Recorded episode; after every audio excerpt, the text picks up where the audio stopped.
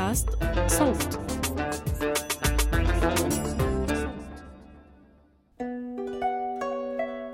كان يا مكان في بعيد البلدان. ملك يسهر ولا ينام إلا على قصص الإنس والجان.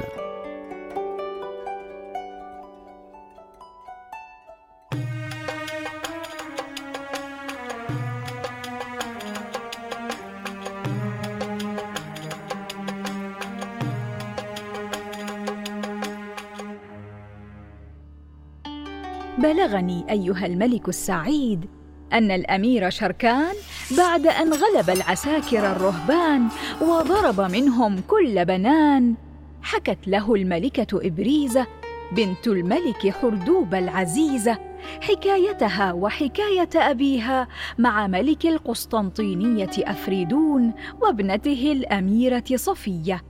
التي أراد والدها أن يزوجها بملك القوث فهربت إلى حردوب ملك قيسارية تستغيث فزوجها بالملك عمر النعمان الجبار كي يصونها من أبيها الملك المكار.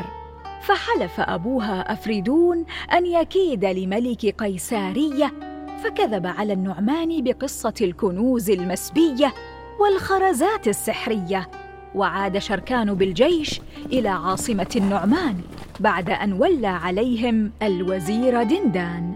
وظل شركان عند الحدود ينتظر قدوم إبريزة في المكان الموعود لكنه فوجئ بقدوم فرسان مدججين بالسلاح يحملون أعلام الرومان.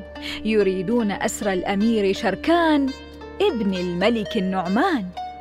وبعد حرب وقتال وطعان ونزال والتحام الأبطال اكتشف شركان أن خصمه في القتال هو إبريزة متنكرة بصفة الرجال. فلما عرفها رمى السيف من يده وقبل الأرض بين يديها وقال لها ما حملك على فعل كل هذا؟ أردت أن أختبرك في الميدان وأرى ثباتك في الحرب والطعان. هؤلاء اللواتي معي كلهن راهبات وقد قهرن فرسانك في قلب الميدان. ولولا أن جوادي قد عثر بي لكنت أريتك قوتي وجلدي. فتبسم شركان وقال الحمد لله على السلامة وعلى اجتماعي بك يا ملكة الزمان. هيا أيتها الراهبات تجهزنا للرحيل. وأطلقنا سراح الفرسان الذين أسرتنهم. فامتثلت الراهبات لأمرها وقبلن الأرض بين يديها فقال لهن شركان مثلكن من المحاربات يتخذن عند الملوك مدخرا للشدائد. ثم إنه أشار إلى فرسانه أن يسلموا على الملكة ابريزه فترجلوا جميعا وقبلوا الأرض بين يديها.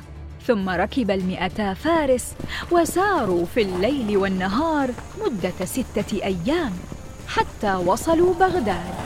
فأشار شركان على الملكة إبريزة وراهباتها أن ينزعن ما عليهن من لباس المحاربين وأن يلبسن لباس بنات الروم.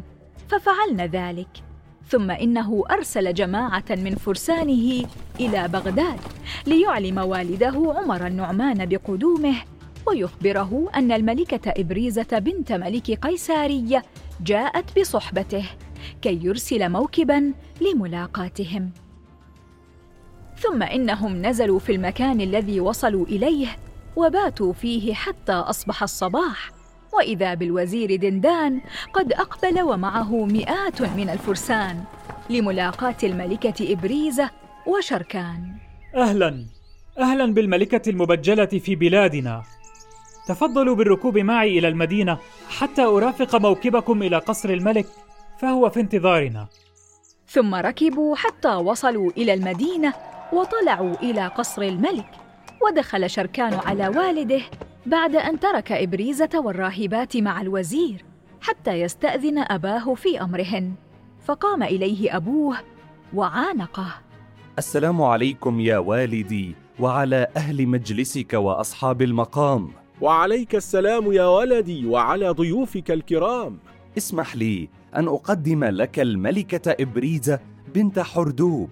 ملك قيساريه أهلا وسهلا بالملكة العزيزة. إن الملكة قد استجارت بنا بعد أن فارقت مملكتها وأباها واختارت الرحيل معنا والمكوث عندنا. وكما أخبرك الوزير دندان على لساني فإن ملك القسطنطينية أفريدون أراد أن يحتال علينا بسبب حرمكم السيدة صفية ابنته لأن ملك قيسارية زوجها إياك دون رضاه بعدما رفضت الزواج من حليفه ملك القوث. وما خلصنا من هذه الحيلة إلا الملكة إبريزة وما رأينا أشجع منها قط. ثم جعل يحكي لأبيه ما وقع له معها من أوله إلى آخره من أمر المصارعة والمبارزة. فلما سمع الملك عمر النعمان من ولده شركان ذلك الكلام عظمت إبريزة عنده وقال في نفسه يا لها من صبية عجيبة كيف لها أن تجمع بين جلالة الملوك وجسارة الفرسان وجمال الأميرات؟ يجب أن أراها حتى أحيط بسرها. ثم تمالك نفسه وقال لشركان والحجاب أدخلوها علي كي أراها. فذهب شركان إليها وقال لها إن الملك يدعوك كي يراك يا سيدتي. فأجابت بالسمع والطاعة وأخذها شركان وأتى بها إلى والده وكان والده قد أخرج من كان عنده ولم يبق عنده غير الخدم. فدخلت الملكة إبريزة على الملك عمر النعمان وقبلت الأرض بين يديه. السلام على الملك الهمام قاهر الصناديد العظام. وناشر الأمن والسلام والرغد بين الأنام. فتعجب الملك من فصاحتها. إن صنيعك مع ولدي دين لك في رقبتي. لن أنساه ما حييت. ثم أمرها بالجلوس فجلست وكشفت عن وجهها فلما رآها الملك سحرت عقله. ثم إنه قربها إليه وأكرمها ووهب لها قصرا لتسكن فيه مع راهباتها وأمر لها براتب يغطي جميع احتياجاتها وسخر لها الخدم والحشم والحجاب والحراس ثم أخذ يسألها عن الخرزات الثلاث. لقد أخبرني ولدي شركان أن أباك أهداك الخرزات الثلاث السحرية. فهل هي كما يصفونها؟ وهل لها من البركات كما يقولون؟ إن تلك الخرزات معي يا ملك الزمان. لقد أحضرتها معي هدية لجلالتكم. ثم إنها قامت وعمدت إلى صندوق وفتحته وأخرجت منه علبة وأخرجت من العلبة صرة من الحرير وفتحتها وأخرجت منها تلك الخرزات الثلاث ثم قدمتها للملك ثم انصرفت إبريزة وأخذت قلب الملك النعمان معها ثم أتى النعمان بولده شركان وأعطاه خرزة من الخرزات الثلاث ولمن الأخريات يا أبي؟ سأعطي واحدة لأختك نزهة الزمان والثانية لأخيك ضوء المكان فلما سمع شركان أن له أخا يسمى ضوء المكان وقد كان يظن أن زوجة أبيه صفية لم تلد إلا أخته نزهة الزمان قال لأبيه يا أبي ألك ولد غيري؟ متى وقع ذلك؟ أغيبتني الحرب كل هذه السنين؟ أجل يا بني لك أخ غير شقيق وعمره الآن ست سنين واسمه ضوء المكان وأخته نزهة الزمان وهما توأمان ولدا في بطن واحدة. فصعب ذلك على شركان ولكنه كتم سره وقال لوالده على بركة الله تعالى. ثم وضع الخرزة جانبا ونفض ثوبه ثم قال له الملك ما لي أراك قد تغير وجهك عندما سمعت هذا الخبر. مع أنك صاحب المملكة من بعدي وقد عاهدت أمراء الدولة على ذلك. فأطرق شركان برأسه إلى الأرض واستحيا أن يجادل والده ثم قام وهو لا يعلم كيف يصنع من شدة الغيظ وما زال ماشيا حتى دخل قصر الملكة إبريزة فلما أقبل عليها نهضت إليه قائمة يا مرحبا بالفارس الهمام. ثم جلست وأجلسته إلى جانبها فلما استقر به الجلوس رأت في وجهه الغيظ فسألته عن حاله وسبب غيظه. لقد صدقت الوعد وحفظت العهد وأكرمتني كما أكرمتك. ونحن الآن في ملك أبيك وحماه فما يقلقك بعد؟ إن أبي الملك عمر النعمان رزق من زوجته صفية بولدين ذكر وأنثى وسمى الولد ضوء المكان والأنثى نزهة الزمان. وأعطاهما خرزتين من الخرزات الثلاث وأعطاني واحدة فتركتها. ولم أكن أعلم بكل ذلك حتى اليوم فخنقني الغيظ. وقد رأيت أبي ينظر إليكِ وأخشى عليك أن يطمع في الزواج منك فإني رأيت في عينيه الطمع. اعلم يا شركان أن أباك لا حكم له علي ولا يقدر أن يأخذني بغيا بغير رضاي. ولو حاول أن يأخذني غصبا لقتلته أو مت دونه. وأما الثلاث خرزات فلم أتوقع أنه سيعطيها لأحد من أولاده. بل ظننت أنه سيجعلها في خزائنه مع كنوزه وذخائره. ولكن أريد من إحسانك أن تهب لي الخرزة التي أعطاك إياها والدك إن قبلتها منه. حبا وكرامة يا سيدتي. ثم نظر إليها فرآها وقد ظهر الغم على وجهها هي الأخرى. ما الذي يشغل بالك يا سيدتي؟ أخشى أن يسمع أبي بمجيئي إليكم فيسعى في طلبي. ولعله يتفق مع الملك أفريدون صاحب القسطنطينية من أجل ابنته صفية. فيأتيان إليكم بالعساكر كل يطلب ابنته. وتكون حرب عظيمة. يا مولاتي إن كنت راضية بالإقامة عندنا فلا تفكري فيهم ولا تخشي منهم أحدا. فلو اجتمع علينا كل من في البر والبحر لغلبناهم من أجلك. فابتسمت ثم أمرت الخدم بإحضار شيء من الأكل فقدمن لهما المائدة فأكل شركان شيئا يسيرا وظل أمر أبيه يراوده ويشغل تفكيره ثم مضى إلى داره مهموما مغموما. قل لن يصيبنا إلا ما كتب الله لنا. وأما ما كان من أمر أبيه الملك عمر النعمان مع الملكة ابريزه فإنه انشغل بحبها وصار يفكر فيها ليلا ونهارا مشغوفا بها وفي كل ليلة يزورها ويسهر عندها ويلوح لها بالكلام فلم ترد له جوابا وقالت يا ملك الزمان لا غرض لي بالزواج فأنا من الراهبات المحاربات وقد كرست حياتي للعبادة والقتال. فلما رأى تمنعها اشتد به الغرام وزاد عليه العشق والهيام ولما أعياه ذلك أحضر وزيره دندان وأطلعه على ما في قلبه. يا وزير دولتي الكريم ومستشاري الحكيم أشر علي فإن الحب قد قطع فؤادي وفعل بي ما لم يفعله الأعادي. ماذا أصنع من محبة الملكة إبريزة ابنة الملك حردوب صاحب قيسارية؟ فهي لا تريد الزواج مني. وقد قتلني حبها. فلما سمع الوزير دندان ذلك الكلام قال للملك اعلم يا سيدي أن الملكة إبريزة. لن تقبل الزواج منك وأنت متزوج من الأميرة صفية. فاذهب إلى مولاتي السيدة صفية وطلقها بحجة أنها كذبت عليك وأخفت أصلها عنك. وعدها أن تكرمها وتحسن إليها كرامة لولديك. ثم راجع السيدة إبريزة في أمر الزواج مرة أخرى. واعلم يا مولاي أن الأمير شركان قد يكون شغف بها حبا فأخرجه مرة أخرى في حرب طويل أمدها لينسى كل منهما الآخر.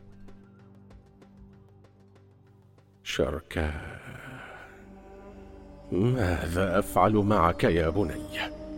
مرة تقف في طريقي عند ولادة صفية والآن تعترضني مع الأميرة الرومية؟ نعم ما أشرت به علي يا دندان. ثم أمر النعمان ابنه شركان أن يخرج لبلاد الهند والسند كي يسيطر على نزاعات القبائل هناك وأن يتولى حكم إحدى الإمارات فنزل شركان على أمر أبيه. ثم ذهب النعمان إلى الأميرة صفية وواجهها بقصة أبيها ملك القسطنطينية. فاعترفت له. العفو يا مولاي. والله ما أردت خداع جلالتك ولكنني لم أجد مفرا من أبي الظالم غيرك. فسامحني بحق ولدينا هذين. أما حق ولدينا فهو ألا أردك إلى أبيك وألا أشردك في البلدان. ولك علي أن تبقي في قصرك معززة مكرمة. لا ينقصك مما أنت عليه الآن شيء. وأما أنا فلا أبقي على ذمتي من لا أثق بها. سمعا وطاعة يا مولاي. ثم أتى النعمان بالقاضي والشهود وطلقها وبعدما فرغ من أمرها ذهب إلى إبريزة ليراجعها في أمر الزواج فأبت فعاد إلى وزيره دندان خائبا مخذولا. ها قد طلقت صفية من أجلها أيها الوزير ولم تقبل فما تراني أفعل الآن؟ أخشى يا مولاي أنك إن حاولت أن ترغمها على الزواج فرت من البلاد أو لعلها تقاتل حتى الموت. ولا حل لك إليها سوى السحر. ها وماذا أصنع بالسحر أيها الوزير؟ أمهلني يوما أو يومين. آتك بساحر يصنع لك تعويذة ويضعها في جوهرة تهديها أنت للملكه إبريزة. فإن لبستها تمكن السحر منها وسلط عليها ماردا يوهم عقلها ويملأ قلبها بحبك فيجعلها تقبل الزواج منك. نعم الرأي أيها الوزير. افعل ذلك وأنا سأهديها الجوهرة ثم أراجعها في أمر الزواج. سمعا وطاعة يا مولاي. ثم خرج الوزير دندان من عند الملك النعمان وفعل كما قال. ثم عاد إلى ملكه بعد أسبوع ومعه الجوهرة المسحورة. ففرح بها الملك وأثنى على الوزير دندان وأكثر له العطايا. ثم خرج النعمان إلى قصر الملكة إبريزة ومعه الجوهرة. فلما دخل عليها القصر قامت إليه وقبلت الأرض بين يديه. نورت القصر بقدومك يا مولاي. لقد مرت فترة طويلة لم أرك فيها فأردت أن أطمئن عليك. أطال الله عمر الملك العادل. لقد أغنيتني بكرمك فلا ينقصني شيء وأنا بجوارك. لقد وصلتني اليوم جوهرة من بلاد الهند فأردت أن أهديك إياها. وأخرج لها الجوهرة المسحورة وقدمها إليها وكانت إبريزة قد ظنت أن شركان أرسلها لها. شكرا على كرمك وجزيل عطائك يا مولاي. وخرج النعمان من غرفتها بعد أن أخذت الجوهرة منه ولبستها. فإذا بمارد قد ظهر لها تراه هي ولا يراه سواها. أسدل المارد لها السلاسل وأمر السلاسل فالتفت حول جسم إبريزة فطوقتها واشتدت عليها حتى عصرتها فكادت كل عظامها تتحطم وخارت قواها ولم تستطع التحرر من السلاسل. ثم إن المارد بدأ ينفث الدخان على وجهها كي يسحر عقلها وقلبها لكن قوة عزيمتها وصلابة ذهنها أبطأت مفعول السحر ثم عاد النعمان إليها ولما رآها قد تغير وجهها علم أن السحر قد سيطر عليها فلم يصبر وسألها ما رأيك في الزواج بي الآن؟ فقالت إبريزة في نفسها لابد أن النعمان هو من مكر بي ونصب لي هذا الفخ ويبدو أنه يئس من قبولي. حتى لجأ إلى السحر. لا حل لي سوى أن أوهمه بالقبول كي يتركني في حالي الآن ويوقف عني هذا المارد. وعندها سأجد طريقة للخلاص. السمع والطاعة يا ملك الزمان. ففرح الملك كثيرا ثم استأذن منها وخرج من عندها بعد أن أضاء وجهه وانشرح صدره. وأما هي فإنها حبست أنفاسها وجعلت تتنازع لتكسر القيود التي تطوقها واستحضرت كل قوتها وجلدها وجسارتها ولم تدخر جهدا حتى كسرت القيود. فلما رآها المارد قد كسرت القيود أخرج لها قيودا أخرى. لكنها أمسكت بالجوهرة المسحورة ورمتها على الأرض فكسرتها فانكسرت معها قيود المارد ثم عمدت إلى سيف معلق على الجدار فسلته وضربت به المارد ضربة شقته نصفين. إلى نار جهنم وبئس المصير أيها اللعين! وما إن قتلت إبريزة المارد حتى خارت قواها. وخرت على الأرض مغشيا عليها.